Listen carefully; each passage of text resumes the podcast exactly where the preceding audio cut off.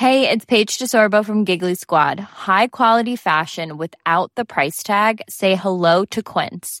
I'm snagging high-end essentials like cozy cashmere sweaters, sleek leather jackets, fine jewelry, and so much more. With Quince being 50 to 80% less than similar brands. And they partner with factories that prioritize safe, ethical, and responsible manufacturing. I love that. Luxury quality within reach. Go to quince.com slash style to get free shipping and 365 day returns on your next order. Quince.com slash style.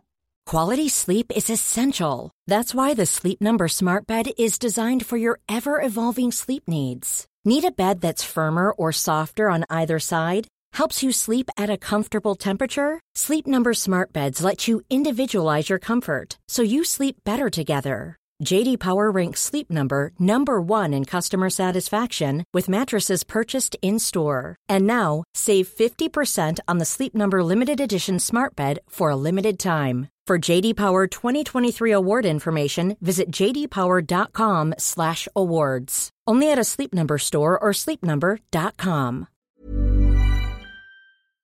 Hallå! Simon Gärdenfors heter jag och snart börjar min podcast Arkivsamtal. Nu i sommar så uppträdde jag på tv-inspelningen av Släng dig i brunnens nya säsong. 14 augusti uppträder både jag och Anton Magnusson bland annat. Det är gratis. Men det blir alltid fullbokat svinsnabbt så boka bord redan nu för vi vill gärna ha folk som gillar vår humor i publiken. Jag testkör min tredje standup-timme endast en gång i sommar. Och det är den 31 augusti på Lund Comedy Festival. Lika bra att säkra en biljett till det redan nu, tycker jag. Det är alltså skämt som inte tidigare har varit med i mina specials som finns på YouTube. Länkar till allt det här hittar ni på gardenfors.blogspot.com. Ni får jättegärna stötta min verksamhet som entertainer på patreon.com arkivsamtal eller swisha valfri summa till 0760 72 47 28.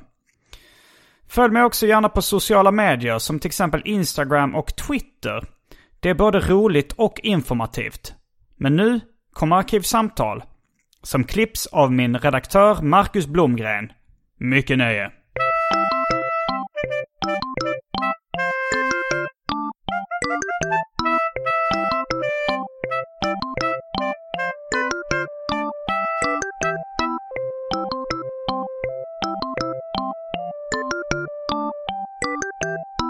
Hej och välkomna till Arkivsamtal. Jag heter Simon Gärdenfors och mitt emot mig sitter Fredrik af Trampe. Ja, det stämmer alldeles utmärkt det. Välkommen hit. Tack så mycket. Skojigt att få, att få vara här igen. Mm. jag hade, det var lite kul när jag skulle kolla, innan jag skulle åka hit så kollade jag, dubbelkollade jag vilken adress du bor på. Då var jag inne på någon sån här mrkoll.se. Mr Koll? Mr Koll, inte Mr Cool utan Mr Koll. Mm, mm. Men där, där listar de sånt här också var folk, var folk bor någonstans, hur, inte kanske hur mycket de tjänar men om de har varit åtalade eller om de har, vad de har för personkopplingar och sådär.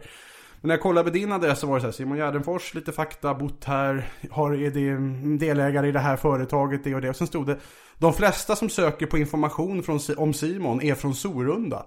Va? Ja. Var ligger det? jag vet inte, jag vet inte var Sorunda ligger. Det är du som ska veta det i så fall. Nej. Nej, har du någon liten fo hemlig following i Sorunda? Jag vet inte ens var det ligger. Nej, nej så det är svårt att säga. Det låter vagt bekant. Men... Kan det vara Dalarna kanske? Jag vet inte. Mrkoll.se. Ja. Jag måste kolla upp det där. ja.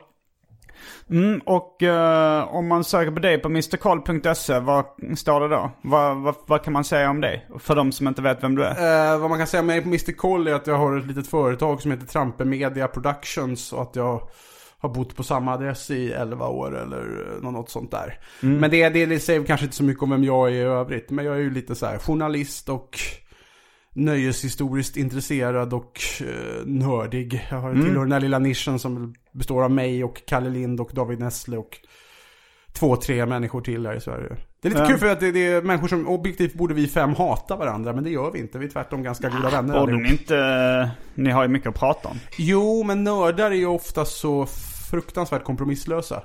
Eh, de, de människor som borde kunna vara sams om olika ämnen är inte det för att Mm. de tycker att det är, det är min version, det är min Bob Dylan som är den riktiga Bob Dylan. Den där Ja. personens Bob Dylan är helt åt helvete fel fast han kan lika mycket som jag.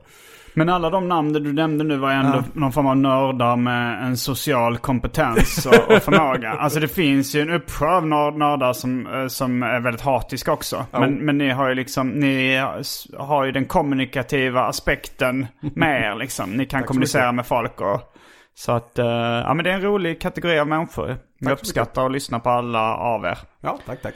Ehm, och idag så ska vi prata om uh, vår barndoms eh, barnprogram Ja, jag tänkte på tv. Mm, det kan var ditt eh, initiativ. Ja, det stämmer. Jag, Men jag kom igång på det. Jag blev väldigt, eh, väldigt peppad. Alltså Mm. nostalgi har ju någon eh, ganska hård slagkraft inom de flesta människor. Man Ja. märker hur folk kommer igång när man, när man nämner någonting de inte har tänkt på på länge. Ja, nej men så är det ju verkligen. Man kan ju liksom sitta och förlora sig själv. Mm. Det är ju det. Om man som jag är så här nörd, nördhistoriker och sitter mycket på Kungliga biblioteket i Stockholm Mm. eh, och tar fram fakta om saker och ting som jag ska prata om i poddar eller skriva artiklar om. Om man har forskarkonto där så kommer man ju praktiken åt all svensk tv från typ 1979 fram till idag, digitaliserad.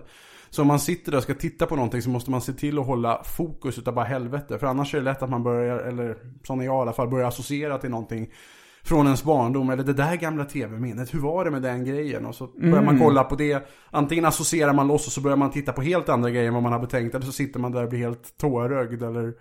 Du har forskarkonto. Ja, jag har forskarkonto. Hur skaffar man det? Man ska vara, om jag minns rätt, man ska vara journalist eller forskare. Och så ska man ha en rimlig anledning att eh, vilja ha fram någonting. Man, eh, man ansöker om det. Man ansöker om det på KB helt enkelt. Och så enkelt. får man det godkänt eller inte. Ja, precis. Om det anses rimligt det man gör. Och numera som sagt finns allt digitalt. Förr var det mycket mer apparat med att beställa fram ganska länge. Alltså så här 2005, 2006 fort man, fick man fortfarande beställa filmer på SVHS. Om nu, det var inte ens VHS, det var VHS? SVHS till och med. Precis. För extra god kvalitet. Och då fick man ju verkligen komma med en bra förklaring till varför man ville ha fram någonting. En, en film eller ett tv-program. Det är lite enklare idag när, man, liksom, när allting finns där. Det här, fan, det här borde jag kanske egentligen inte prata om. Nu, får, liksom, här, nu avslöjar jag för de som brukar lyssna på mig varifrån jag lyckas lokalisera allting. Ja, men det är ju... eh, det är inte alla som har tiden och orken och... Nej, och inte intresset heller. Det, det brukar jag säga. Jag har ju kompisar som har skrivit om sådana här grejer som snackar om att ja, men nu med internet så finns ju allt det där som jag skrev om 2005 som inte fanns tillgängligt någonstans då. Nu finns ju det på YouTube eller sådär. Men, men det innebär ju inte bara för att man kan se Skäggen-programmen på SVT Play så innebär inte det att man kan nödvändigtvis vet får backstoryn. Då är det ju liksom bra. Nej, det är mycket alltså, ja, när jag har kollat upp gamla tv-minnen nu inför det här programmet så är det mycket som inte ligger på YouTube också. Ja, jo, ja, gud, ja. Som eh, vi ska återkomma till sen. Absolut. Men du har också en bakgrund som uh, skådis. Ja, just det, det har jag. Har du spelat i något barnprogram någon gång? Ja, det har jag. Eh, Och det är väl, hade du haft någon motsvarande gäst som är tio år yngre än vad jag är så hade väl det programmet antagligen kommit upp. Det är ett program som heter Eva och Adam. Men är det minns jag ändå. Ja, bara... Ga- Garton och Unänges tecknade serie Mm. som filmatiserades. Och det här var 97. Det var ett par omgångar, så det var 97 till 2000 som vi spelade in det och så sändes det under de åren. Mm. Jag har ju inte någon, alltså jag är ju med ganska mycket men jag syns inte så mycket. Så att jag har liksom ingen stor roll. Så Vad men- hette din rollkaraktär? Min rollkaraktär heter Hasse. Och Okej. vi är ett par tvåäggstvillingar som heter Hasse och Klasse. Så det var jag och Mm. en snubbe som, jag antar att vi bedömdes vara lika varandra. För att Mm. vi spelar de där rollerna. Klasse är, tror jag, ekonom idag. Jobbar på Stureplan. Ehm, så kan det gå. Eh, eller så olika kan det bli. Nej men, den, men jag, menar, så jag syns inte jättemycket. Men det är ändå sådär någon gång om året så är det någon som hojtar till på om man, heter, om man heter som jag gör så är det... Ja. Jag, kan, jag kan tänka mig att det, det verkar ha varit en del kids som liksom har suttit, när de satt och kollade på Eva och Adam så hakade de upp sig på det där lustiga namnet i eftertexterna. Ah, mm. För det har hänt, för något år sedan så var jag ute och promenerade en sen sommarkväll, jag hade, eller kväll, det var mitt i natten, klockan typ två på natten. Jag hade varit på någon klubb och jag promenerar hem genom Stockholm. Och så ringer min telefon, något sånt här nummer, vem fan är det som ringer så här dags? Och så svarade jag och då var det några 17-åringar i Jönköping. Som var aspackade och som satt, jag tror att det var Jönköping i alla fall. Och som satt och kollade på gamla Eva Adam avsnitt och hade just Avtra undrar vad han gör nu för tiden. Och så hade de sökt på mig på nätet och hittat mitt nummer. Och nu ringde de klockan tre på natten och skulle ta reda på vad jag gjorde. Var det innan eller efter du var en återkommande gäst i Snedtänkt? Det var innan det ja. Okej, okay, så det var, ja, det var, då var det ännu konstigare.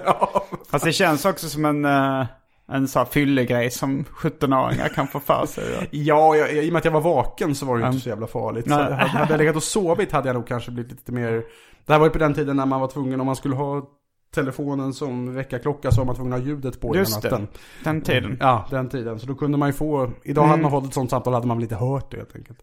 Nej. Ja, så kan det gå. Nej men det, den verkar ha liksom, 90-talister och även en del 00-talister, den verkar vara stor för dem, eller den var stor för många där. Det är Vilka år gick Jättekul. Den?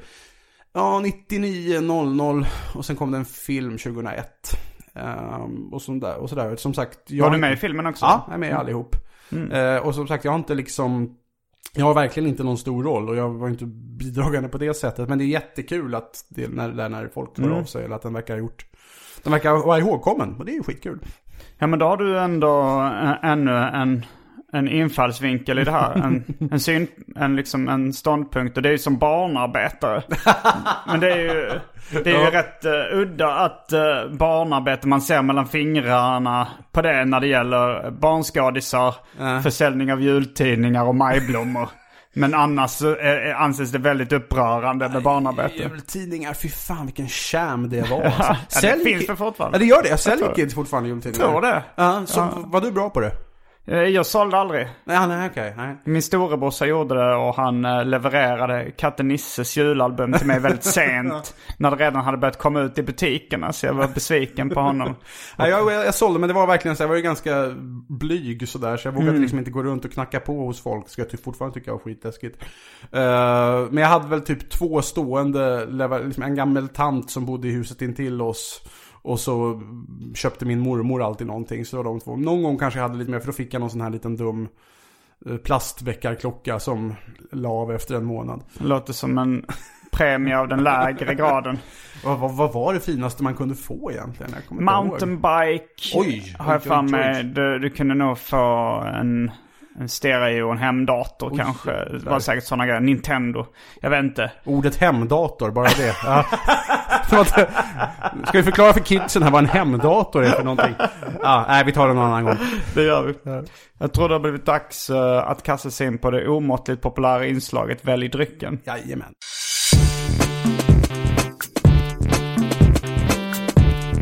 Jag tror vi börjar med det fasta inslaget Välj drycken! Då har vi Hawaii Gay Club. Uh, den israeliska druvsaften Anavim. Fanta Zero. Big Wave Golden Ale. Dry Martini. Sherry. Siciliansk citronsaft. Four Loco Gold 10% i alkoholdryck. Go-Joy Energy Drink. Egils maltextrakt. Red Bull, kiwi, tropisk apelsin och cola. Oh. Häxblandningen, det vill säga alla drycker som fanns i min kyl innan jag genomgick en så kallad corporate rebranding. Och för tråkmånsar och nejsägare, vatten. Jag slutade lyssna efter Hawaii Gay Club. Mm. Jag har hört så mycket om den här drinken och jag har aldrig druckit den. För mig står det vägen mellan Hawaii Gay Club och en draja. Ja, alltså draja smakar ju, det smakar ju verkligen bara sprit. Det smakar ju verkligen bara läkarsprit. Det är min, tycker du det? Ja, det tycker mm, jag. Det håller jag inte med om. Ah, okay. men, uh, men då tar jag en Hawaii Gay Club. Ja, det är solidariskt okay. bra. Då är vi strax tillbaks med dryckerna kända från det omåttligt populära inslaget Välj drycken. Häng med!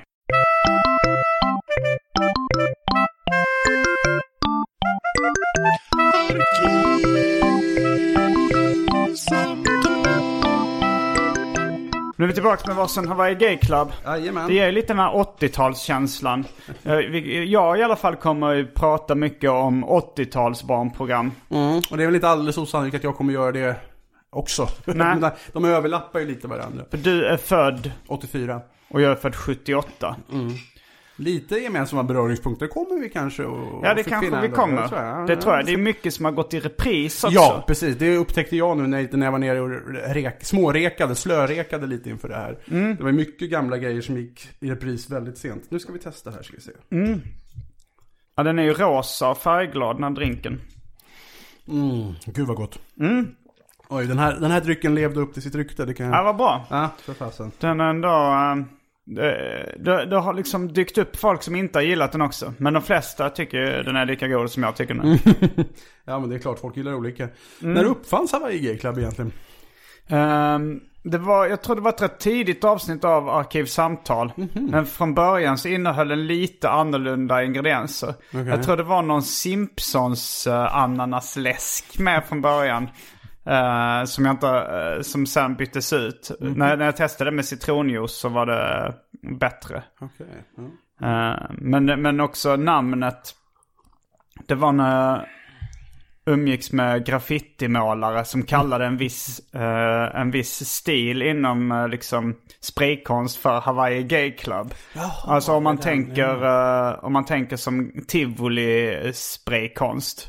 Att där har de lite sådana här uh, kioskiga solnedgångar och palmer och sånt Just ibland. det, och det, det kallade de Hawaii Gay Club. Och sen så när, när liksom, men det var nog Passoa och, och Malibu i, de, jag vet- i alla fall någon av de ingredienserna i, de, i den förhistoriska Hawaii Gay Club. Som jag tror gjorde eh, sin debut i samma avsnitt som Anton Magnusson gjorde sin debut i Arkivsamtal. Jaha, ja, ja. Väldigt tidigt avsnitt. Ja, det här är ju sånt där som alla arkivsamtalnördarna naturligtvis redan har koll på. Men jag känner, det var lite för innan jag började lyssna tror jag. Ja, eh, men, då, men då så sätter vi Ja, igång det med, med barndomens tv. Ja. Har du någon spontan favorit du vill börja med? Nej, favorit och favorit, men när, jag, när du hörde av dig till mig och undrade om jag inte ville vara med och prata lite så hade jag först lite, vad ska man snacka om då? Så gick jag in på YouTube och det första jag får upp i sån här typ rekommenderade val eller vad det heter. Ja. Det är då Disney Time med Lasse Åberg. Just Från det. 1987. Och det, bara jag liksom såg det så var det någon association som klack till i huvudet. Jo men det är klart att jag ska prata med Simon om. Men du var om inte så gammal då? Nej, det var jag inte. Men alltså, För jag var ju rätt ålder när Ja. det kom. För det var alltså, det ska man förklara, att det var väl så att då i slutet av 80-talet så hade Disney äntligen släppt till de gamla tidiga Musse, Kalle, Långben, ja, Silly Symphonies, alla de där filmerna. Så att liksom svensk, svensk tv kunde äntligen få köpa och visa dem. För det hade man väl bara, nästan bara gjort på, på Kalanka på julafton, killgissning där. Men, men, men annars väldigt lite. Och då, de hade på um, Lilla Sportspegeln så visade de Sport-Goofy. Alltså sportlångben. ja, ja, de ja. Eh, det. som sen ganska snabbt tog slut, de uh, långbenfilmerna med sporttema. Så då började de byta ut det mot andra långben och sen blev det liksom Okej, Tom och. Jerry tror jag. Ja, Tom och annan Jerry var ju standarden när jag var liten. Det, var, ju- alltså, det är lite kul att Dels säger det väl någonting om bristen på underhållning i Sverige Mm. som när man växte upp. Men att min bror och jag som var kompakt sportointresserade kollade ju ändå på Lilla Sportspegeln. Ja, för att se. Tom och Jerry. Ja visst, jag kollade också på det. Eh, Jag älskar ju, jag hade ett, eh, ett gosedjur med Goofy som jag köpte på, eh, eller fick, när vi var på Disneyland när jag var liten. Men jag tror, jag har till och med, till och med för mig att eh, eh, signaturmelodin till Lilla Sportspegeln, att den från början var någon Goofy-grej. För de sjunger det på engelska. You can always be number one. Och sen In Goofys da, da, da. Ja, det var Och sen så gjorde de då en svensk version av den. Där uh, artisten Robin sjunger eh, som barn då innan hon slog igenom. Ja, Du kan alltid vara nummer ett. Fast då, tror jag- då tror jag inte de sjunger någonting om långben. Eh, nej det gör de inte. Jag snabbcheckar texten i huvudet här, det gör de inte. Det är lite kul för mig, jag har ju liksom starkare band till det Robin gjorde innan hon breakade som artist. Det vill säga dels Innan hon och... sålde ut. Ja, precis. Resan till Melonia och Lilla Sportspegeln. Jaha, Sen jävlar vad Resan sällan. till Meloner. Ja, det är hon, det är, det är kul. Barnrollerna, det är hon och Olle Sarri som är Mm. barnrollerna där. Det är lite skoj. Och du gillar Per Nuder mer när han dubbade Just det, Narnia. Sagan om ringen. Eller var det Narnia? Det var Nej, det var Narnia. Det var den här Narnia, den Tecknade, Är, ja. ja, från 70-talet. Just det, det var Per Nuder med innan Köttberg och allt sånt där. Dekadans. Innan han sålde ut. Precis. Och blev samordningsminister. Jävla konstig titel. Ja, nej men, nej men i alla fall. Men det är just det programmet då, tillbaka till Disney Time. Det var ju då att Lasse Åberg och någon producent där valde ut ett antal gamla Disney-filmer, Disney-kortfilmer. Lasse Åberg designade någon särskild studio. Med, antagligen med en hel del från sin egen, numera museala höll jag på att säga. Lasse Åbergs Musik- museum Mm, i Bålsta eller vad det ligger. Ja, det ligger till Båstad, precis. Och, eh, och sen så visade han de här olika kortfilmerna och mellan dem så prat och Zorro. Eh, Just det. 50-talsfilmatiseringen av Zorro med Guy Williams. Eh, och så visade han, mellan det så berättade han ju då ganska mycket trivia. Dels berättade han om vem Disney var och om hur de kom igång. Och Men du har sett det här i efterhand alltså? Ja, jag har sett det. Men det var just det att min pappa tyckte att det här ska mina söner, det här ska jag spela in, det här ska de liksom få växa upp med. Så det var en ganska ny, så jag hade länge, eller de är väl kvar, jag har lånat ut dem till en polare och inte fått tillbaka dem ännu. Men det är sex, sju kassetter med alla de här Disney Time-programmen. Mm. Och där har jag lite så här tänkt i efterhand, jag tänkte nu också när jag tittade på de här klippen, vad är hönan och vad är ägget? För jag var ju alltså jätteliten och såg det här gång på gång när jag fick. Mina föräldrar var ju så här smarta, de lärde inte mig hur videon funkade. Så jag kunde bara använda videon när de tyckte att det var okej. När de liksom tog en kassett och stoppade in och tryckte på play. Funkade ett par år i alla fall. Ehm, men liksom när jag ser det här nu, bara att det är ju det var ju som en farbror som visade gamla filmer och pratade, pratade oerhört lågmält liksom och väldigt vuxet om de här filmerna och berättade massa ganska tramsig trivia om vilka kända konstnärer som har jobbat på Disney och hur Janne Långbens röst blev till och sådär. Jag minns an- något eh, inslag om tårtbitsögon. Just det, det finns det Um, med. de visar Musse Piggs ög- ögon när man liksom tar ut en tårtbit. Just Jag det. för mig till och med han illustrerade det med det gör han liksom, med någon liten... um, Och sen man, man mäter Kalankas näbbrostrig longitudkvot. att ju äldre Kalle desto kortare näbben och så. Jag försökte ja, längre näbb. Är det längre näbb? Ja, så Ja, kanske han Ja. blev kortare och kortare. Så är det ja, Mm. just det. Eh, för jag försökte, jag försökte googla detta med rostrig longitudkvot, jag kammade noll, jag måste ha stavat fel. Men också att Kalle hette Onkel Magnus i Mm. Just någon det. tidig, tidig det svensk har översättning. jag lagt på minnet. Det, Ja. Just från den också. Jag har kollat upp, han har även hetat Tusse vid något tillfälle. och, ja, som då Onkel Musse och on- Tusse. ja, jaha, ja, Onkel Magnus hade i alla fall onkel rätt. Men vet du vad? Mm. Magnus, Onkel Donald hade man väl kunnat förstå. Eh, Anka Petus tror jag också han vid det tillfället. well. Det är som det där med Fantomen och Dragos. Ju- han hette det i någon landsortsfinska. Ja, Dragos säger Ja, man. ja, i alla fall. Ehm, nej men så jag kan tänka mig att det där formade nog mig väldigt mycket. Att, så, Att du så- ville också bli en, en Precis. gubbe som pratar med, inte riktigt lika lågmäld röst, men Nej, om, om gamla lika- klipp. och, och, och bifoga eh, totalt värdelös trivia om var Arakoans sång kommer ifrån och sånt där. Så jag, jag, jag tänkte att det, det, det, det finns säkert med i bakgrunden ovanpå att mina föräldrar matade mig med Povel Ramel och Hasse och Tage. Det var liksom, jag trodde nog att vuxna var sådär. Och, Arakoans sång, det är någon gammal mexikansk folkvisa. ja, han påstår Alla det. pappa. Jag, jag har faktiskt kollat upp det själv för Du att jag det, ja. funderade på att sampla det en gång. Jaha. Mm. Eller jag tror Jocke Boberg som du säkert känner till. Oh ja, vi, vi känner Han, eh, han tror jag samplade det någon gång. Och så funderade vi på att göra en far och son-låt av det. Men det, att det blev aldrig av. Men då tror jag vi kollade upp liksom Ja. eh, eventuella, om det var liksom public domain eller om det var... Om det var... Men det är någon folkvisa från Popocatépetl kommer jag ihåg att Boberg Mm, berättar. ja. Det där, där tror jag finns på YouTube också. Jag kommer ihåg att jag tyckte det var ett så häftigt ord. Uh, Popocatépetl. Popocatépetl, det är en bergskedja tror jag. Mm, ja, det Eh, låter coolt. Ja, och att han liksom spelade den här låten i originalhastighet. Och sen har jag då försökt hitta någon, någon MP3. Men du menar, det, det är alltså sant? Den, den kanske finns någonstans i någon... Ja men jag tror jag har Ja. hittat den. Ja. Um, Får eh, personen i fråga man kan ju pitcha ner, man man kan alltid pitcha ner den också. Det var det Ja. som jag tror... eh, Åberg gjorde ja. Mm. ja. Men, ehm, ja, för det var ju, det, Lasse Åbergs tv-program det hette alltså Disney Time. Disney Time ja. Och det sades med J, har jag. Mm. Ja, Time. han hade ju mycket där. Det hade han ju även i Trasan och Bananer så var det sån film time. Och Just det. Electric Banana Band kom så var det rock time. Ja, mm. Trasan och bananer växte upp med också. Ja. Det var ju liksom en, uh, något av det roligaste jag visste då på, Ja. när jag var riktigt liten. Det, det var ju samma här. Det har väl också säkert spelat in mycket de här med corny låtar och Ja, tramsiga sketcher. Frågan är om det visades i repris när Ja. jag såg det eller om jag såg originalsändningen. Du, så här, där finns det ju, Mm. där, alltså Trasan och Bananer omges väl av liksom den största Lost Tapes-myten som finns i Sverige Mm. tror jag. För det var ju alltså så att den första säsongen kom, det var som jullovsmorgon, eh, julen 1976. Okej. Då hette det Trasan Apansson, julens konung. Vilket Mm. fick en arg kristen att skriva en radionämndsanmälan om att det är Jesus som är julens konung och inte, inte Trasan Apansson. Det är det som ska vara Ja. julens budskap. Tomten är ju en den leken. Det är lite som man, man fattar inte den här lite ordvitsen, Tarzan, djurens, ja, ja. Ja. Men då, det, den blev en jättesuccé och påstås att det ska ha 100% av Sveriges barn ska ha tittat i en liten mätning. Vet inte hur tillförlitligt det är riktigt. Men... ehm, 100 procent. Ja, det, var eller, eller om det är 76. Åberg som liksom har tryckt på att det verkligen var så. Jag vet Mm. inte. Eh, ja, men i alla fall. Men sen så skulle den sändas i repris några år senare. Och det här kollade jag faktiskt för något år sedan att bara någon vecka innan den ska börja sändas, några dagar rent av, så upptäcker de att vänta, banden är stekta.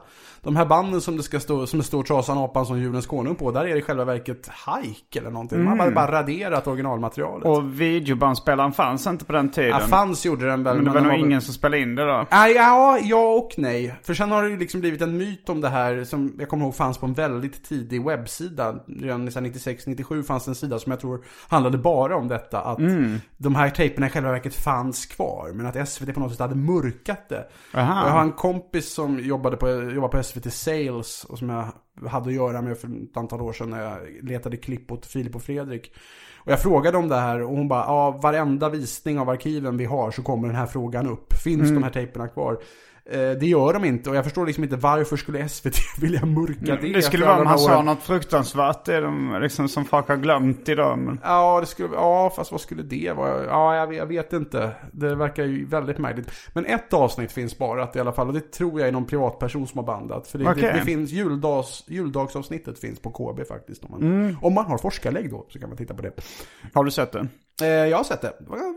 Rätt skoj. Liksom, det var som Trasan och Bananer var sen. För det här med att de upptäckte att tejperna var förstörda ledde ju då till att eh, Trasan och Bananer fick göra en ny serie. Och den sändes där 80-81. Så du kan Ja. mycket väl ha sett den första gången. Sen gick den väl i repris ganska mycket kan jag tänka mig. 80-81. Ja men jag har, då var jag liksom 81 var jag ju kanske tre, Mm. tre någonting. Ja. Jag är född 78 Just så det. det borde jag ju vara. Men för jag minns ändå att vi kollade på det på dagis. Okej. Att det var så stort liksom bland barn att vi till och med slog på tvn på dagis vid något tillfälle. Eh, jag, vet, eh, jag vet inte när det sändes på dagen. Man var kvar länge på dagis. Men jag minns det. Ja, men jag kanske var så ung. Ja, jag vet inte. Det. Eller så jag, sändes det repris Ja. några år senare. jag såg det när det gick som inslag i Klasses frukostklubb i början av 90-talet. Det var alltså Klasse Möllberg Ja, då. han hade ett eget program i Malmö TV som han tyckte var... Det, det kommer jag också som så oerhört häftigt. Jag var 6-7 år gammal och att han hade... Han hade en fjärrkontroll med vilken han styrde hela sin studio. Han kunde liksom trycka på en knapp så kom det liksom ut en bäddmadrass eller bäddsoffa ur ett hål i väggen. Eller så tryckte han på en knapp så kom det ett fax ur faxmaskinen. Mm. Fax, måste jag förklara vad en fax är? Nej, vi hoppar Nej. det. Nej. Och, eller så, och trycker på en sån tv går igång. Det var verkligen den här känslan av att åh, det här är high tech. ja, men bodde du i Malmö då eller hur kom Nej. det sig att du såg Nej, det? nej, nej, alltså det var, det var gjort på Malmö TV. Ja, det men var det gjort. sändes, sändes Ja, för jag, jag minns det också. För det var ju vissa, vissa program, alltså jag är ju uppvuxen med dansk Mm. tv också, danska barnprogram. Just det. Och i och för sig vi- visades vissa danska barnprogram på svensk tv också. Mm, eh, har du sett till exempel Doxedrängen? Inte på rak arm. Vad är Det det, var en superhjälteparodi. Aha, eh, som, men det, det, det var från 88-89. okej. Av Peter Gren Larsen och, och Cecil Olrik. Det var manus och regi då. Mm. Men, men det var liksom... Jag har inte riktigt vågat se om det. För när, när jag såg det så tyckte jag det var det bästa jag någonsin sett. Det roligaste. Eh, det, alltså det, det, var, det var någon form av liksom... Eh, jag var väl runt 10 då. Eh, 10-11 och liksom den, den ironin. Jag fattade deras ironi liksom. Ah, ja. Det. Eh, det, det var, de, de gick i skolan och svaret på alla frågorna de fick i skolan det var USA. Så, här, var ligger världens högsta berg? USA fröken! Det är fullständigt korrekt. Det låter ju verkligen skitkul. Men man vill, jag fattar, man vill inte... Nej. Du, du, nämnde Narnia där. Det gjordes ju en B- BBC eh, också. Alltså en spelfilmserie där i slutet av 80-talet. Som gick eh, på jullovsmorgon när jag var liten. Och som jag tyckte var jätte, jättehäftigt. Ja. Eh, och som jag sen såg om för något år sedan. Och det var ju verkligen, det, det var jobbigt. För det som jag mindes som stora folkmassor i de här stridsscenerna. Det är ju två personer som står i en skogsdunge och skriker och ser lite liksom ditritade monster. Ja. Och det, det är jobbigt det där. Nej, men jag tänkte på det när du sa det här high-tech eh, Ja. klassisk frukostklubb. För jag minns också ett tv-program som då var um, lördagsgodis. Såg du det någonsin? Hette det lördagsgodis? Mm, det var med då Robert Sjöblom som programledare och hans det, han, sköldpadda Jalle. uh, I och för sig det visades 1986 så du var Ah, nog för nej, det minns jag inte. Men Robert jag, Mm. Sjöblom kommer jag ihåg. Han var ju skådis och... Ja, han har varit med mycket. Ja, det är sådär som man inte har sett på ett tag dock. Jag vet inte om han lever. Jag tror han har haft en del uh, biroller i, Ja. i filmer liksom. Även sent, alltså kanske i män som hatar kvinnor eller något sånt. Ja, just det. Jag för mig jag kollade upp lite vad han hade, vad han hade gjort på sista tiden. Han har varit med lite i- varit med i jättemycket film. Men, Okej. men, men jag minns det tv-programmet att det var så fruktansvärt coolt att de zoomade in en godispåse och så satt han och programledaren inne i godispåsen med en Oh. massa godis inne. Eh, och det såg jag nu på YouTube bara innan tidigare idag. Och det såg ju så B ut. Ah. Det var, de hade hängt upp ett lakan, det var några målade träklossar som såg ut som engelsk konfekt. Aj, aj, aj, och han nej, stod nej, där och liksom de hade ljusat lakanet lite. Det, det, det är liksom man, som barn minns jag, fy fan vad coolt, hur har de lyckats få in honom i en godispåse? Det är som stop motion effekterna i första Terminator. Det är liksom, det var verkligen state of the art då. Men när man ser det nu så blir det lite cringeigt hur bra det än är i övrigt. Jag Äh, minns också jobbigt. lördagsgodis för det var så här eh, att när jag, jag var väl då, ja men eh, tio år eller någonting när det, och när jag hade då, jag, jag kommer ihåg att jag förhandlade med, med min mamma om vad jag skulle liksom, jag hade väl brutit mot någon regel, kommit hem för sent eller liksom eh, inte följt med till farmor på, jag vet inte vad det var jag hade gjort men, eh, men det var så här att hon var, tog med mig i diskussionen. Hur, vad, hur ska, vad ska vi göra ifall du inte lyder? Vad ska du få för straff? Och så föreslog hon att, eh, att jag inte skulle få mitt lördagsgodis. Eh, Ah, lite dubbelmening. Eller? nej, nej, nej, Nej. Det, var, det, var, det, var, det var verkligen, alltså jag fick lördagsgodis. Ah. Och det var avdrag på veckopeng och sånt var ju också liksom straff Ja, man kunde få. Men jag tyckte det var lite väl hårt då att, f- att inte få det liksom godiset. Så då föreslog jag, vi kan ha då att jag inte får titta på tv-programmet Lördagsgodis. Sneaky. Ja, och, och, och hon sa, va? Men, men tycker du ens det är bra det programmet? Så, ja, det, det. jo men det är jättebra. Fan, det var en hal jävel redan då. Det var, det var, ju, det var ju väldigt Jag smart tror inte faktiskt. hon Hur, gick med på det. hur gammal var du? Ja, Tio. och- Ja, ja. Men jag tror inte hon gick med på Nej, det. Ja, För hon märkte väl att jag inte, att jag inte var så, att det inte skulle svida så mycket om jag inte fick se lördagsgodis. Wor- Worth a shot. Ja. Jag hade nog inte någonting sånt. Däremot kommer jag ihåg att mina föräldrar, det här var ju liksom post videovålds eran där. Så jag, kom, jag kommer ihåg att när Turtles blev en grej och jag fick låna en videokassett med Turtles-filmer av min kompis Henkan. Då ville mina föräldrar kontrolltitta på det först. För att det Ah, inte skulle vara för våldsamt och att jag inte skulle kunna få... Men det hette Det var det- Hero Turtles då, inte Ninja Turtles eller vad? Det gjorde det kanske ja. Och det var, det var ju, det, det godkände de. Så jag fick titta på det. Det fick ju tyvärr bieffekten att jag sen la alldeles för mycket tid på att försöka lyckas med det första Turtles-spelet till Nintendo som var en sån riktig bitch. När kom det?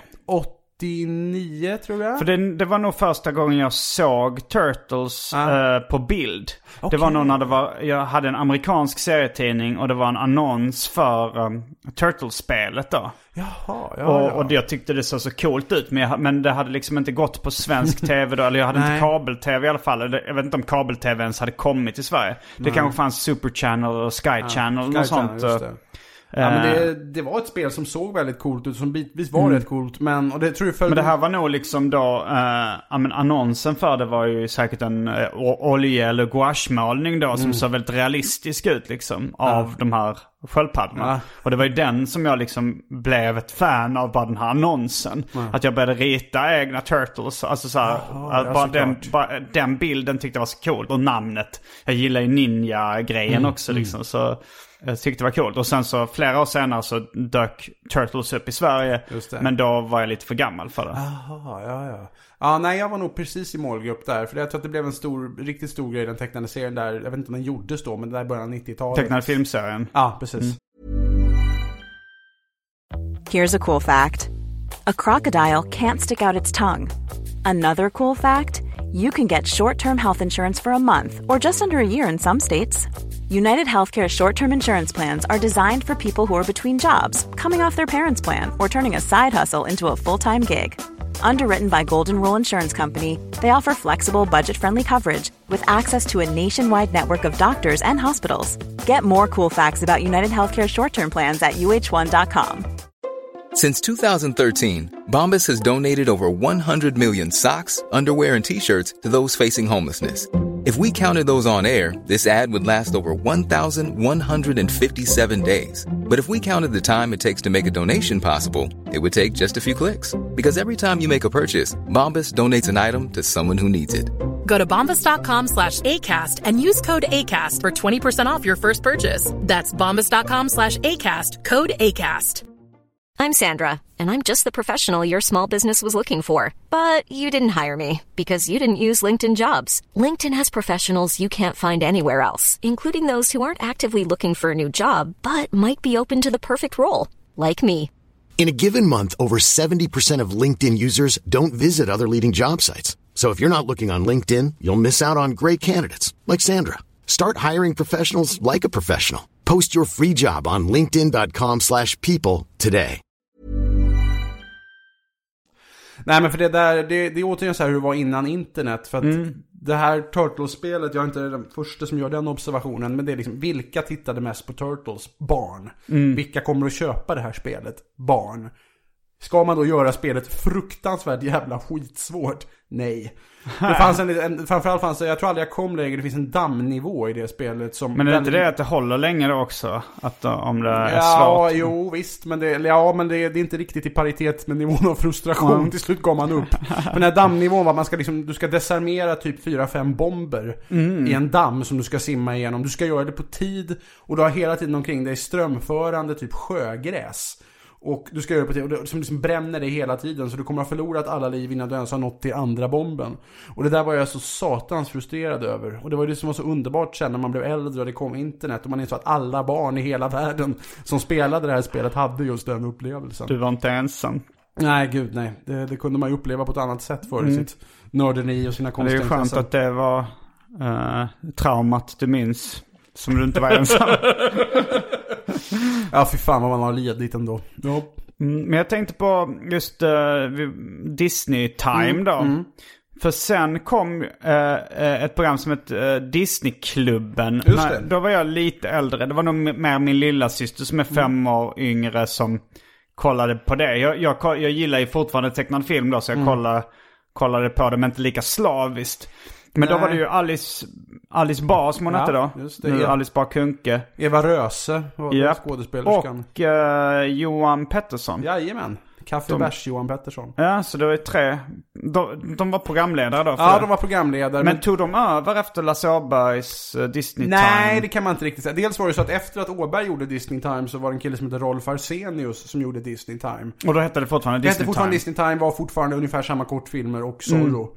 Och han pratade också väldigt lågmält och, och vuxet och, och sådär. Jag har sen, lång, många år senare såg jag en film om Tredje rikets eh, estetiska ideal. eh, Undergångens arkitektur tror jag den heter. Skitbra film. Men det blev väldigt jobbigt för då var det han, Rolf Arsenius, som var speakerrösten.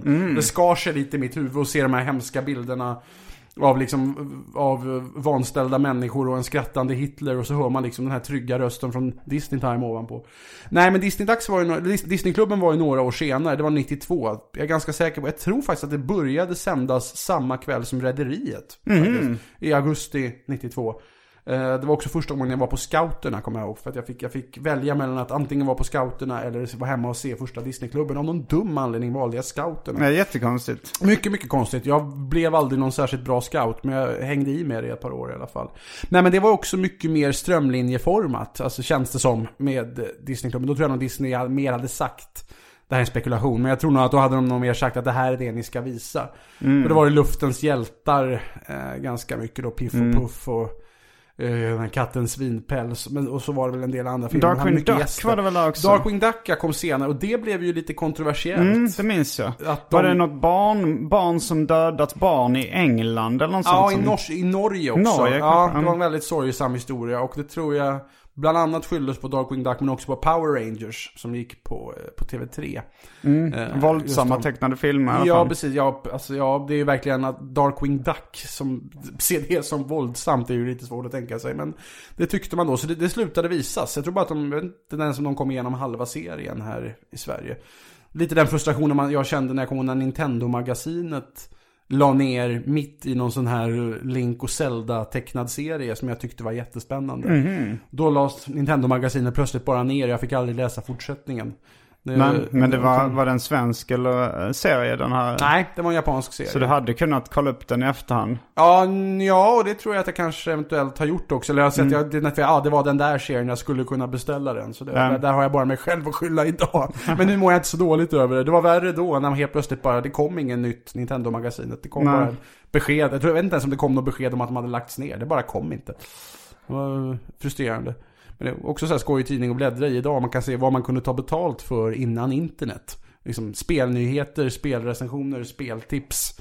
Idag hade det inte funnits någon marknad för en sån Ja tidning. men det, det var väl ganska nyligen tidningen Level Just det. lades ner.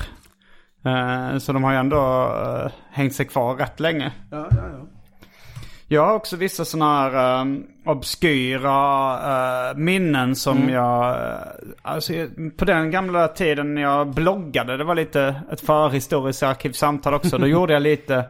eh, då gjorde jag lite sådana här, uh, la ut några wobblers då. Okej. Och, och frågade om... Det var, det var dels en... um, en dansk, har jag fått reda på i efterhand, uh, tecknad film som heter Nikolaj. Det här känner jag igen. Som gick på någon slags sommarlovsmorgonsprogram. Nikolaj Olsens hemliga liv. Ja, det här känner jag igen. Den kan nog ha gått i repris några år senare. Det finns ganska lite information om det på, ehm, på internet. Men det var någon som skrev då att det var Werner Vape Olsen, en dansk serietecknare som gick under signaturen Wow, alltså WOW. eh, som även tog över, han tecknade då Felix, tog över den av Jan Löv. Och tecknade även Stålmormor och en massa annat. Men han har nog gjort character designen till då Nikolaj Olssons hemliga liv. Men han, han sjöng, han blev rockstjärna eller popstjärna i ett avsnitt. Och eh, den sången som han framförde då, den har jag haft på hjärnan sen, sen 80-talet. Eh, och den gick så här. Scooby-Dooby-Dabba, Scooby-Dooa, Scooby-Dooby-Dabba, Scooby-Dooa, Scooby-Dooby-Dabba, Scooby-Dooa. Och sen kanske det var någon Scoop, Scoop, Scoop, Scoop, Scooby-Dooby-Dabba. det är Så vi gick runt och sjöng på den. Ja. Har du använt det någon gång? Det borde du ju sampla Ah, ja, det, nu, ja, eftersom det är så svårt att få tag på. Men Ah, då ja. kanske sjunga den själv. Werner Vape Olsen eller någon annan kommer och, och vill ha pengarna. Ja. Men, eh, men det var också en annan, eh, en annan uh, tecknad film som hade två fantastiska signaturmelodier. En som då kom i början och en som kom i eftertexterna. Alltså introtext, introvinjetten och eftertexterna. Kommer du ihåg Yuppie och Poco? Nej, det är nog före min tid. Ja, det gick också för mig på något sånt sommarlovsprogram. Alltså Där. Mm. de här, de här sommarlovsmorgnarna, där, det, det var väl så här väldigt tidigt.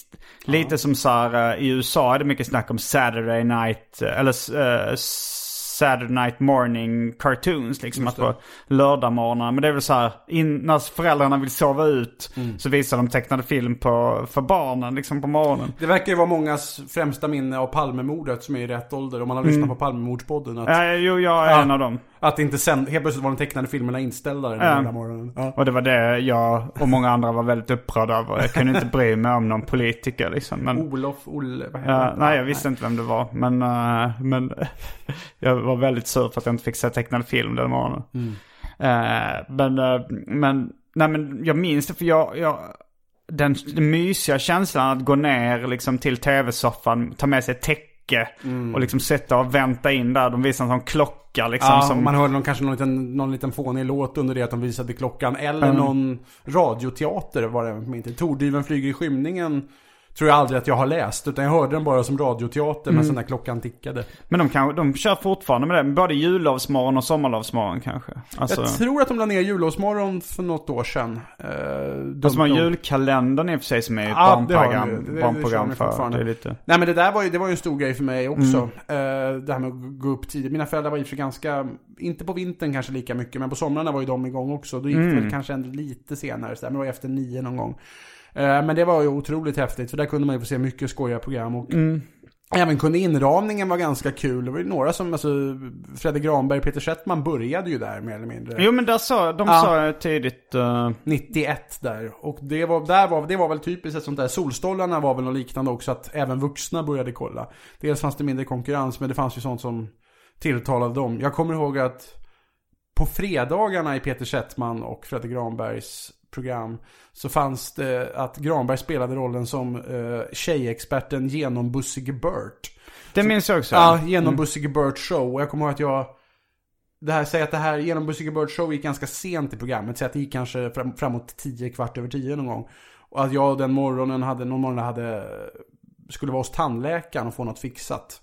Och min tandläkare lagade bedövning, lagade en bedövning och det här var vid klockan åtta eller någonting. Och sa att ja, nu får du inte äta något förrän efter genom Burt show. och det tyckte jag var jättehäftigt. Vad är det en vuxen som kollar på det här också? Men det var ju det, det var ju lite cheeky sådär. Det var ju lite fräcka skämt på ett sätt som hade varit jävligt känsligt idag. Men mm. som inte var så känsligt då. Det var inte så mycket som jag tror var känsligt på det sättet när det gällde barn. Det var väl kanske sprit och judeskämt, jag vet inte. Mm, ja men sex var ju rätt mm. liberalt då, liksom. Mm. Även i Solstolarna var det ja. rätt mycket sexuella anspelningar. Ja, och att det är mycket bikinibrudar och mm. det. Samtidigt, det tycker jag är lite synd att det känns som att det har blivit det som alla pratar om så fort man nämner Solstolarna. För jag såg om Solstolarna för ett antal år sedan. Och jag hade bara väntat med att oh, jag kommer sitta och kalkonskratta åt det här. Kolla massa bikinibrudar och det är gubbsjukt. Sen tittade jag på det och märkte att framförallt under de här Ulla-Bella-sketcherna mm. så satt jag ju och skrattade. Och jag kommer liksom på mig själv att när jag skrattar inte ironiskt. Mm. Jag tycker verkligen att det här är jätteroligt. Det är ju väldigt liksom, det är ju någon, någon sorts buskis men, och väldigt, väldigt bra buskis, tycker jag. Mm. Sen är det klart att det här liksom med bikinibrudarna, att de har en topless sjöjungfru och sådär. Man kan ju liksom bara oj, oj, oj. Eh, men jag tycker tyvärr har det lite det känns som man tjatar för mycket och det, om det och glömmer bort hur jävla roligt Solstolarna kunde vara ibland också. Jo, det var ju stort. Det ja. var ju, Ulla-Bella var ju liksom någonting som alla barnen imiterade på skolgården. Ja. Det hängde i ganska länge. Det gjorde ju liksom ungar som inte ens kan mm. minnas Solstolarna som har föddes 86-87 härmade Ulla-Bella. Kommer mm. Men eh, ja, det här Poco och Joppi, jag måste bara, om det är någon som minns dem, för den, den har jag inte hittat. Det fanns, alltså när jag hade den här bloggen så var det folk som postade på YouTube. Mm. Eh, både Nikolaj då och Poco och Joppi. Mm. Men de, de klippen har tagits bort ja. från YouTube nu. Den gamla fria YouTube-tiden. Mm. En sak som man kan börja bli nostalgisk uh, Men det var, när jag läste att det var någon som skrev att det var Jan Nygren som var rösten till uh, ah. uh, Joppi. Karlsson på takets röst. Det stämmer. Det. Inte skådisen då, utan han var ju dubbad av en äldre man. Han blir lite demonartad ja. Karlsson i och med att han är en liten pojke med den här Flint, läskiga rösten. En flintperuk och dubbad med en, en vuxen mans röst. Vilket jag, ja det är ju ett obehagligt intryck. Mm. Men jag tillhörde de som ändå gillade Karlsson. Jag älskade Karlsson men jag tror... Det är många barn som tyckte han var obehaglig och hatade honom. Han var ja. också väldigt dryg och ja, svin liksom. Mm. Man vill inte ha Karlsson som kompis. Men han är nog min favorit av, eh, av Basse Lindgrens figurer. Ja han är det minst likeable ja, egentligen med karaktären. Det, ja, det, det, han blev som en George-karaktär då i Seinfeld liksom. Ja, att, det, att det är så en lite dryg loser på något sätt. Ja, och som har liksom ja men det är lite det här Stig-Helmer-Ole-relationen. Att han är mm. Ole, liksom han har någon som är svagare än honom som han lite kan, som han tycker om men som han kan kontrollera också. Mm. Jag hade dem på kassettband, jag tror inte jag såg filmerna först ganska sent och då var det bara en röst liksom. Så då var det ju lugnt. Men, du rör ah. ihop cola, choklad, geléhallon. Men Poco och Joppi, det var de här, ni kanske känner igen, om ni känner igen signaturmelodierna och hittar mer information så kontakta mig på sociala medier. Absolut. Eh, introt, det var så här, Jo det var så här. Joppie, joppia, la la la la la la la. Joppie, joppia, la la la la la la la. Joppie och så vidare. Hur kan detta inte finnas på YouTube? Det måste Nej, vara en rättighetsgrej eller? också ja. väldigt samplingsvänligt. Ja, ja för fan. Och sen det lite mer lågmälda eftertexter. där det var den andra karaktären som var i fokus. Så så här. Poco. Du du du du du du du. Poco. Du du du du du du du. Jag ska nog... Du, du, du, du, du, du. Jag ska nog inte ha mer Hawaii-kläder. Fan vad dumt. Underbart. Underbart. Ha, ha, vet vi om Arkivsamtal har några danska lyssnare som kanske kan bidra? Jag, jag vet inte om Poco och Joppi, nej, nej Juppi, han var Juppi. någon planet, alltså han var en rymdvarelse som äh, kom nog från Jupiter då, hette Juppi. Ah, ja. Och sen Poco var nog då pojken, det skulle kunna vara spanskt då, att det är Poco som Just det, såklart, ja. liten. Ah. Uh, men uh, jag vet inte vilket land det var, men det gick på någon av de här sommarlovsprogrammen på mm. 80-talet eller tidigt 90. Det som jag minns annars mest från, de här, från just de programmen, Sommarlovsmorgon, Det är också sånt där. Ibland fick jag lite för mig att SVT bara slängde in allt random som de kunde hitta på någon tv-mässa för någon billig penning som inte visste vad de skulle göra av. Jag kommer ihåg att de visade ett program som var gjort av några norska, det var ett norskt program, norska tonåringar som alla var söner till sälfiskare. Och det här programmet handlade om hur bra det var med sälfiske. Och eh, hur liksom alla jävla djurrättsaktivister var dumma i huvudet. Och, ja, och det var verkligen det här liksom så här riktigt dåliga argument. Krusallklubbare. Ja men li- verkligen, och det var riktigt dåliga argument av den här typen. En av pojkarna fick liksom stå och klyva ett äpple och då kom en annan pojke. Åh, ett äpple har väl också känslor din kallblodiga mördare. Eller sånt där. Och det, det är verkligen, jag tänkte det vore kul om SVT sänder idag. Ja. Skulle kunna vara som en bizarr happening. Bara, nu, nu gör vi det här för att se hur folk kommer reagera på Twitter. Jag tänkte på det här med, eh, det bara dök upp i mitt huvud med fyra gånger V och fasa. Mm. Minns du det? Ja, vagt. Alltså jag minns det som att redan som barn var det någonting av det sämsta jag någonsin sett. Att det var så otroligt dåliga barnskådisar i det. Och du, den är Jag minns Då är det repliken. illa. En apa tog min väska. Nähä. Joho, en brun apa.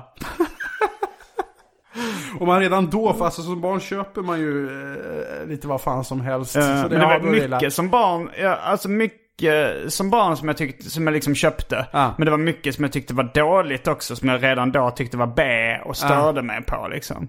Ja. Eh, Jag störde mig till exempel, alltså så här, jag, jag gillar, jag kollar alltid på Batman, alltså den här eh, Adam West och Spelfilms, eller tv-serien. alltså. Batman and Robin med, eh, var det 60-tal kanske? Ja det är det väl, och de gick ju hundra gånger Ja, känns det och jag De- fattar de inte ironin i dem så att jag, då tyckte jag det var dåligt manus liksom. Eh, men, men jag störde mig väl lite på liksom, uh, ja men på hike och sånt också. Man tyckte han, Bengt Alsterlind tyckte jag redan som barn var löjlig liksom. Jag och min brorsa gjorde narr av honom och härmade honom och sådär. Hur medveten är han om det undrar jag?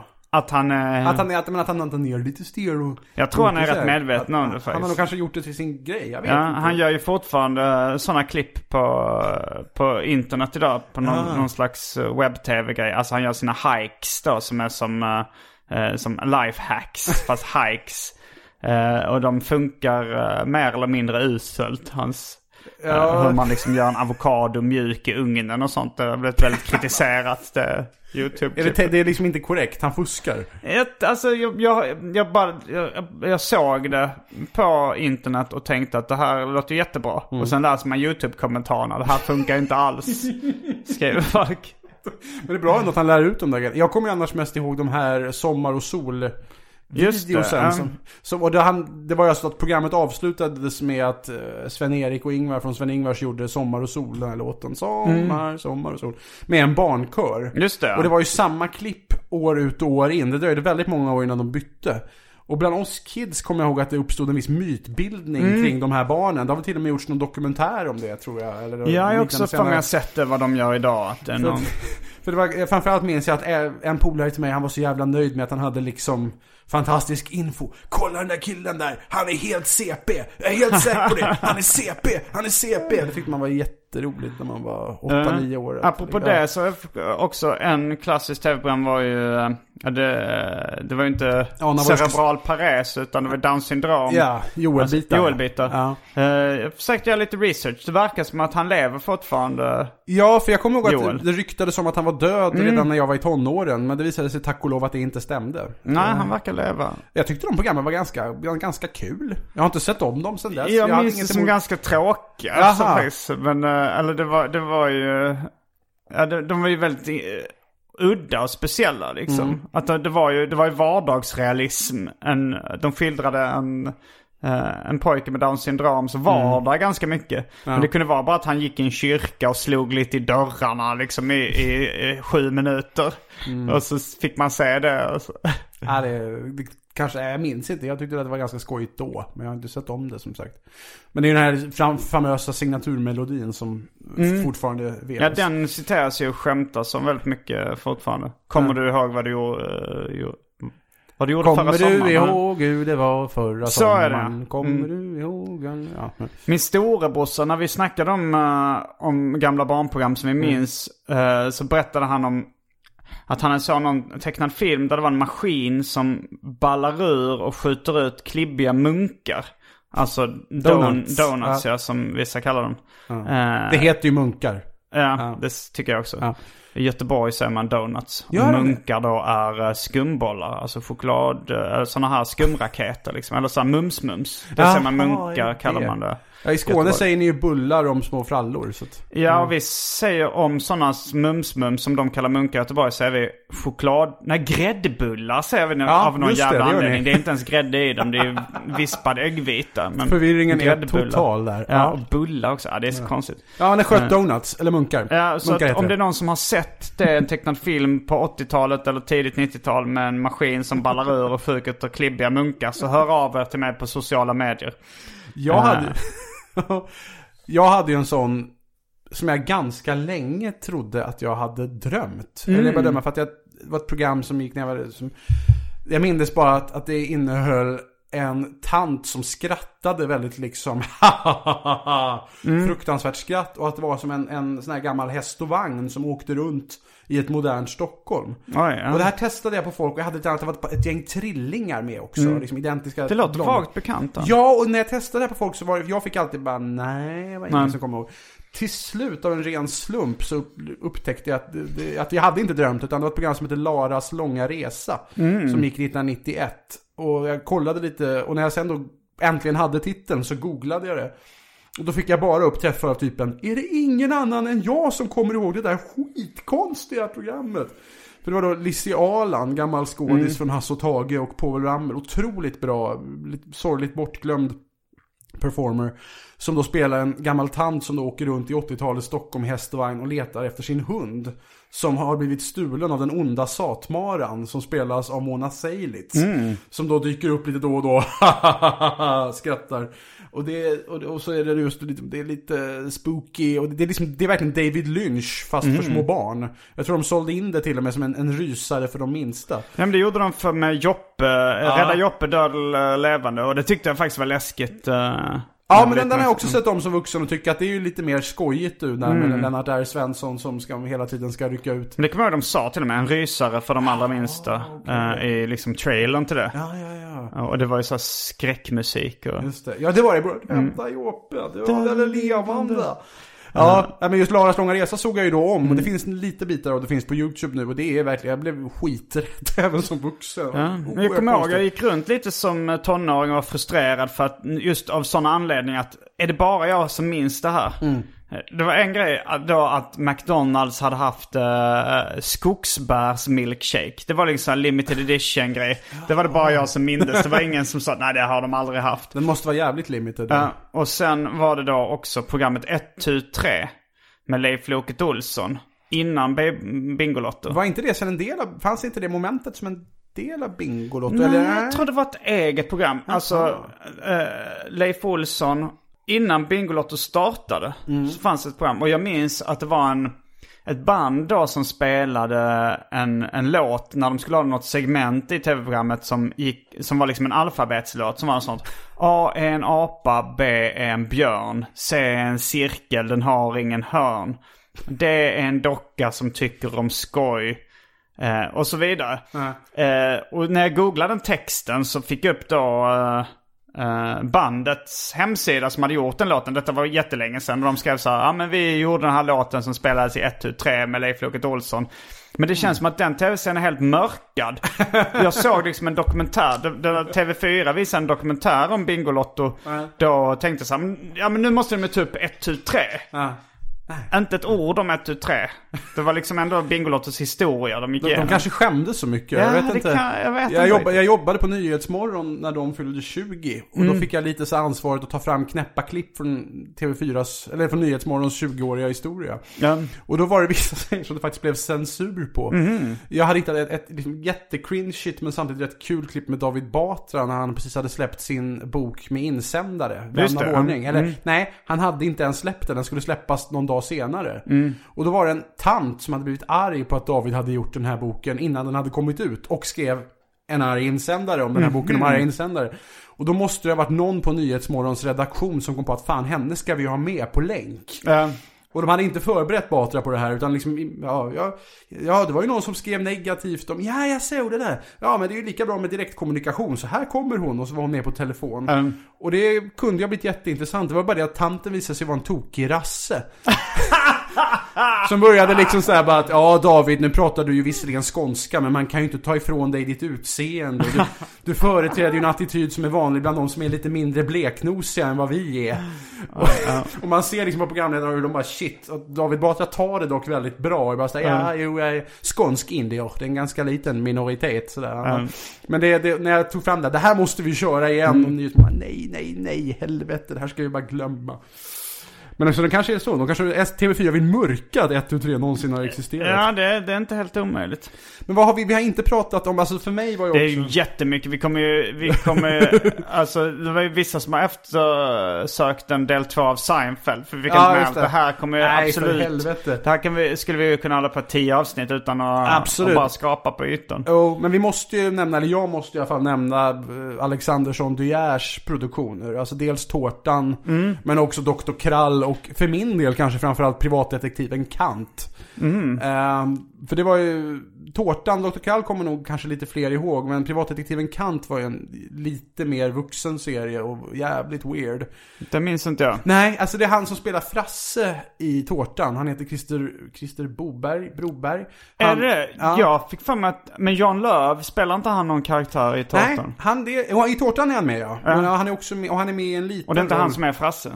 Han är Janos. Det är kul att de Ah, heter ja, Jan, ja. Janos, Hilding och Frasse. Just det, är det. Jan Löv, man, Janos. man får ju då. liksom Mm. tänka där, hur tänkte deras föräldrar? Nu ska vi döpa våra barn till Janos, Hilding och Frasse. Det är väldigt, lite rolig tanke i sig.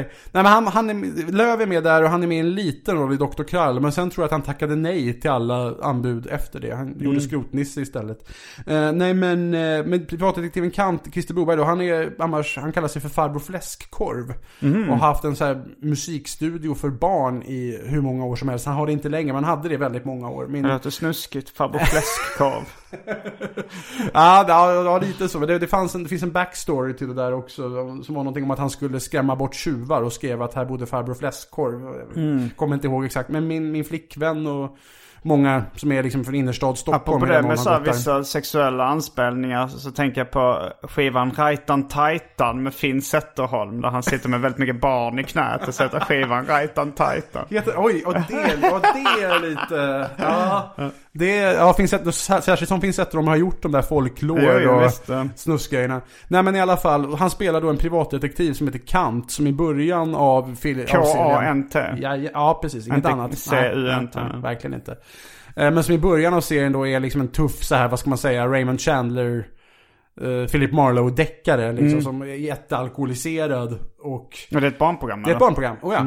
Och han sitter på sitt kontor och muttar lite så här. Men hade så- de sprit i bild då Ja, liksom? ja, det, det är tydligt att han dricker sprit. Han är alkoholist. Det är ganska tydligt med det. Men det är samma Dynamit-Harry i Jönssonligan är också alkoholist. Och det gjordes det ju ingen...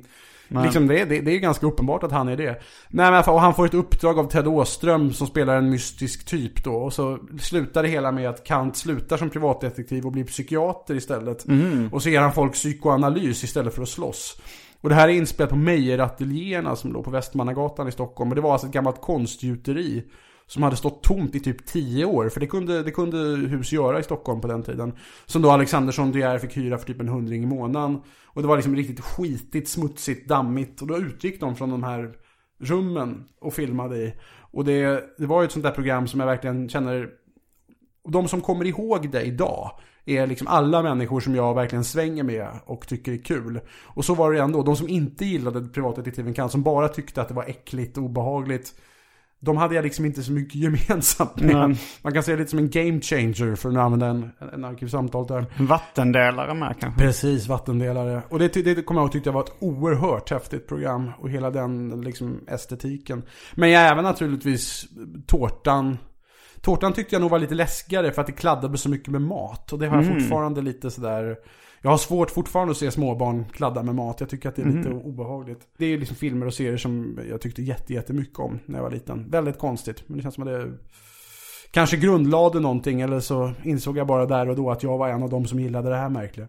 Jag tänkte på det när du snackade om uh, agent, eller så här privatdetektiv då med, med snygg estetik. Mm. Tänker på Lös fallet före kommissarie Snook.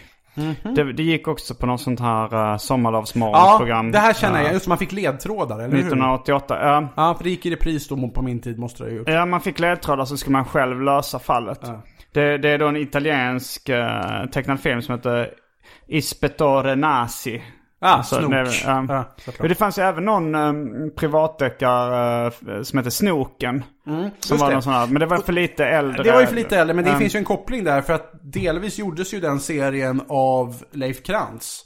Mm. Som gjorde de här klassiska Kråkguldet och Kullamannen inte minst. Men sen också Ärliga blå ögon. Och även Robert Sjöblom som var programledare i Lördagsgodis var med i Han var med i Snoken. Och han var Mm. också med i en särskild barndeckare som hette Folke Falköga. Som gick Mm. när jag var 7-8 år. Som jag tyckte var väldigt spännande och läskigt. Det kan nog ha bidragit till deckarintresset på den tiden också. Det kommer jag ihåg. Han spelade huvudrollen där. Undrar om Robert Sjöblom någonsin har nämnt så mycket i en podd som han har gjort, gjort idag. Men det är inget fel på det. Jag tyckte han var en jäkligt bra skådis. Bra röst och lite speciellt utseende sådär. Mm. Nej, en men- annan favorit som, om, vi börjar ju vi börjar ju få lite ont om tid. Är det så? Ja. Mm. Men eh, som jag tyckte var det bästa från min barndom kanske. Som Mm. eh, Ebba och Didrik. Just ja, den, men den var ju fruktansvärt bra också. Mm. Jag kom Peter 1990 och eh, den, eh, den såg jag om faktiskt i vuxen ålder. Ja. Och den höll fortfarande. Den tycker jag, men den håller definitivt. Alltså han, Schildt är väl som har gjort den. Han är ju Mm. oerhört liksom... Han har regisserat men manuset är skrivet av eh, hans fru. Nej, det, vad heter hon? Kristina Olofsson. Vad heter människan? Det här är ju Ja, jätteskämmigt. För en gång skulle nämner vi en kvinna och då kommer Ja. inte ihåg vad hon heter. Det är jätteskämmigt. Men hon gjorde väl, de, samma team gjorde ju sen serien Glappet. Just som är det, väldigt ja. viktig Mm. för, min, för min generation. Det är jättemånga som har sett Glappet. Det var liksom en definierande upplevelse där 97 när den kom. Jag tyckte den var Nej, jag häftig. ihop det med Doxedrängen-skaparna. Just det. Men han gjorde ju också, det- där kanske inte hon var inblandad, men han gjorde ju också den här serien Xerxes som kom några år tidigare. Ja, den har jag inte sett. Nej, har inte sett den. Den var ju, den var ju för jäkla häftig. För den är jättehärlig att se som tidsdokument idag. Det är Benny Haag som spelar huvudrollen. Och det, den är jättekul att se för att jag såg den inte då naturligtvis. Jag såg den kanske 94-95 när den gick i repris. Och nu när jag såg om den som vuxen så insåg jag att med, med under de åren så hade serien, från 88 till 94 hade serien hunnit bli totalt inaktuell.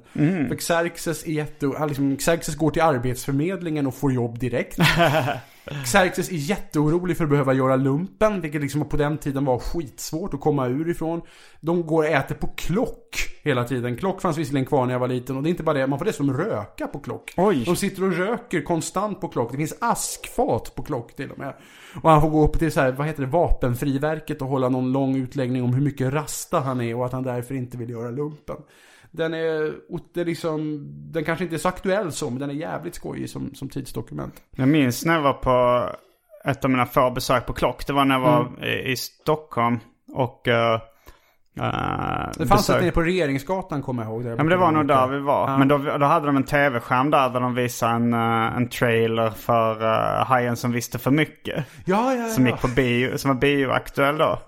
Och min uh, nästkusin Jonathan Hi- Hirschfeldt pekade på skärmen när det kom ut en rånare i rånarluva i Ja. trailern och sa Det där! Det var en ninja! Det var dumt. Får jag bara trycka in en liten anekdot om, hinner vi det? Ja. Innan vi slutar här. Nej men nu just på, den, på det temat. Jag har en polare som är från landsbygden och som en gång var i stan och gick in på en skivbörs för att handla skivor. Och då får han syn på att ovanför disken så hänger inramat singel med ledmotivet till hajen som visste för mycket. Haj, haj, haj. För typ 50 spänn eller någonting. Och det var mycket på den tiden. Ja, det här, nej men det här är alltså, det här är 00-tal. så det är långt okej, efter ja. vinyleran på det sättet. Och han kommer, ja men jag har en polare där hemma som samlar på eh, Ga- Galenskaparna-skivor. Så jag kanske, jag kanske ska köpa den åt honom. Så han ringer upp polaren och bara Ja den, ja men den har jag men i väldigt dålig skick. Vad är det för skick på den där då? Ja det är mint. Mint? Ja men absolut, köp den åt mig. Jag pröjsar 50 spänn, lugnt. Så min polare han går fram till kassan och bara Ja, eh, jag skulle vilja ha den där Haj Haj Haj där uppe. Och killen i kassan bara Ja, kul, jättekul. Vill du ha något? Nej men alltså jag vill ha Hi Hi Hi, den där. Ja, ja. jo, jo, jo, jag fattar. Men kom igen, sluta skämta. Vad vill du ha? Och killen bara, nej men jag vill ha Hi Hi Hi. Menar du allvar? På riktigt? Ja, ja, det gör jag. Fan också. Så ropar killen in på laget. Du, Benny! Det är någon här som vill köpa Hi Hi Hi-singeln. Och Benny kommer ut och bara, är, det- är det sant? Ska, du, ska, ska han köpa Hi Hi Hi-singeln? Okej, fan vad kul. Du får ju betala, så säger han till sin kompis i kassan, du får ju betala den där hundringen till mig sen. Mm, det var en De hade vadslag. vadslagna att de skulle hänga upp Hi Hi Hi och se om någon någonsin köpte den. så han torskade. Surt förvärvade pengar. Ja. Eh, vi kanske avslutar på den, på den anekdoten. Den om Hi Hi Hi. Ja, den, hade, jag- den hade jag inte trott att jag skulle berätta när jag vaknade i morse. Ja, det, det var det kanske inte så mycket med barnprogram göra. Nej, nej, nej. Vi men kan, vi kan droppa lite namn. Ebba och Didrik, eh, skådisar och sånt som har gått vidare. Mm. Eh, Micke Lindgren som nu jobbar med Grotesco, Svenska nyheter och sånt var ju en av Just skådisarna det, i den. det. Eh, det var ju han eh, Johan Widerberg. Ja. Eh, mamman spelades av den eviga mamman-skådespelaren. Just det, och han Sugarman Ja, filmmakaren Ben Jelul var ju också med där. Det var ju de som Susanne rivaliserade. Reuter hette hon, mamma-skådisen. Just det, mammaskådisen. uh, just det, men de rivaliserade kring, eh, kring henne då. Johan Widerberg har aldrig sett Ebba och Didrik. Vi gjorde några sådana svenska tv-historier om den. De intervjuade honom och han var sådär, jag ville ju verkligen inte vara med. Nej. han hade gjort, de hade, den hade börjat som radioserie. Är det och han, sant? Ja, och han var, då hade han gjort rollen. Och sen när de skulle göra tv-serien så var han bara, nej men jag vill inte, jag vill absolut inte, jag ska inte stå framför kamera. Men de var så insisterade på att det är dig vi vill ha, det är du som Han var är väldigt bra, Didrik. um, Och till slut ställde han upp för han var så skoltrött. Han ville inte gå i skolan tänkte han, då blir det där bra att göra. Men han, som han beskriver tyckte han att det var skitpinigt att sitta där och spela piano och, och sjunga och mm. virvelflicka och sånt där. Ja, men det och att han aldrig har sett serien. Han tyckte att det var, han, så, han var ju i den åldern där man tyckte allting var pinsamt och Ja. han spelade det väldigt bra. Ja, han är, han är, det är liksom, det är nästan hans crowning achievement. Det är ihop med att han som bebis är med i Mannen på taket och får blöjan bytt av Sven Wollter. En sån sak. Mm. Och med de orden så avslutar vi veckans avsnitt av Arkivsamtal. Jag heter Simon Gärdenfors. Jag heter Fredrik av Trampe. Fullbordat samtal.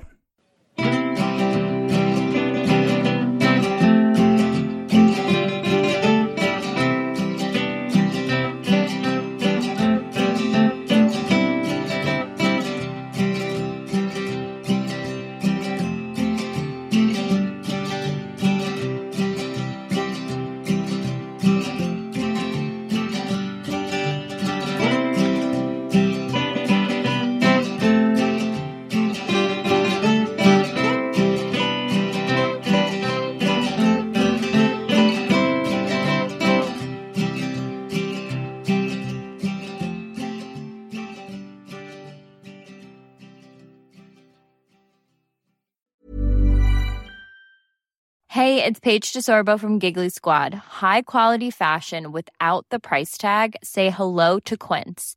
I'm snagging high-end essentials like cozy cashmere sweaters, sleek leather jackets, fine jewelry, and so much more. With Quince being 50 to 80% less than similar brands.